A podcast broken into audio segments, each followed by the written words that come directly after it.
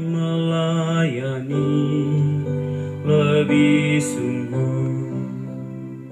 Sahabat Relim, selamat pagi.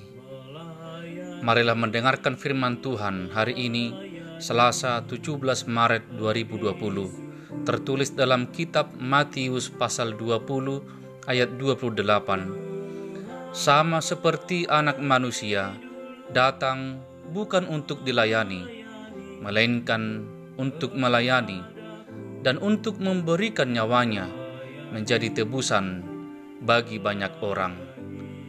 Demikian firman Tuhan. Saudara-saudari, kualitas tertinggi orang percaya adalah ketika dia melayani. Siapa pun dia, apa pun pekerjaan dan pangkatnya, seberapa kaya dan terkenal seseorang, dia berharga dan dihormati justru karena bersedia menjadi pelayan bagi sesamanya. Melayani berasal dari kata dasar layan atau layani. Seperti seorang pramusaji restoran yang selalu ada, hadir, dan tahu apa kebutuhan pengunjung atau tamu yang dilayani. Demikianlah gambaran melayani. Melayani berarti menghamba, mengabdi, bahkan berkorban untuk orang lain seperti yang dicontohkan oleh Yesus sendiri dengan mengosongkan dirinya dan mengambil rupa sebagai seorang hamba. Saudara-saudari,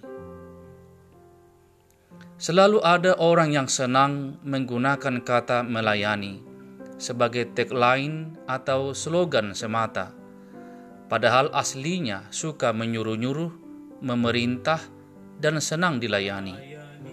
Perhatikanlah di rumah kita sendiri, di kantor-kantor pemerintah atau swasta, bahkan di dalam gereja. Lebih banyak orang suka dilayani daripada melayani. Bahkan selalu ada mengaku pelayan Tuhan, namun sikapnya berlagak bos, suka mengatur, melayani kalau dia suka atau kalau waktunya ada. Padahal Yesus hadir di dunia untuk melayani, bukan dilayani.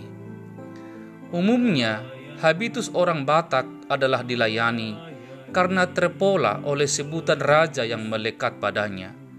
Namun, habitus orang percaya adalah melayani, yaitu menghamba dengan kesadaran mau menyimpan pangkat, menyimpan gelar, jabatan, posisi, dan status kita di hadapan Allah, hingga mengosongkan diri kita sendiri. Dengan melayani dan menghamba, tidaklah membuat kehormatan kita jatuh, sebaliknya, menjadikan kita besar, kuat, dan bersinar. Yesus sendiri mengatakannya dalam Injil Markus 10 ayat 43. Barang siapa ingin menjadi besar di antara kamu, hendaklah ia menjadi pelayanmu. Amin. Marilah kita berdoa. Terima kasih Tuhan telah memberikan kami teladan untuk melayani. Seperti Tuhan yang datang ke dunia bukan untuk dilayani, tetapi melayani. Biarlah habitus melayani sungguh-sungguh melekat dalam diri kami, sehingga di mana pun kami ada dan berada, kami selalu mengingat bahwa kami adalah orang percaya yang harus selalu melayani. Amin. Selamat bekerja, selamat berkarya. Shalom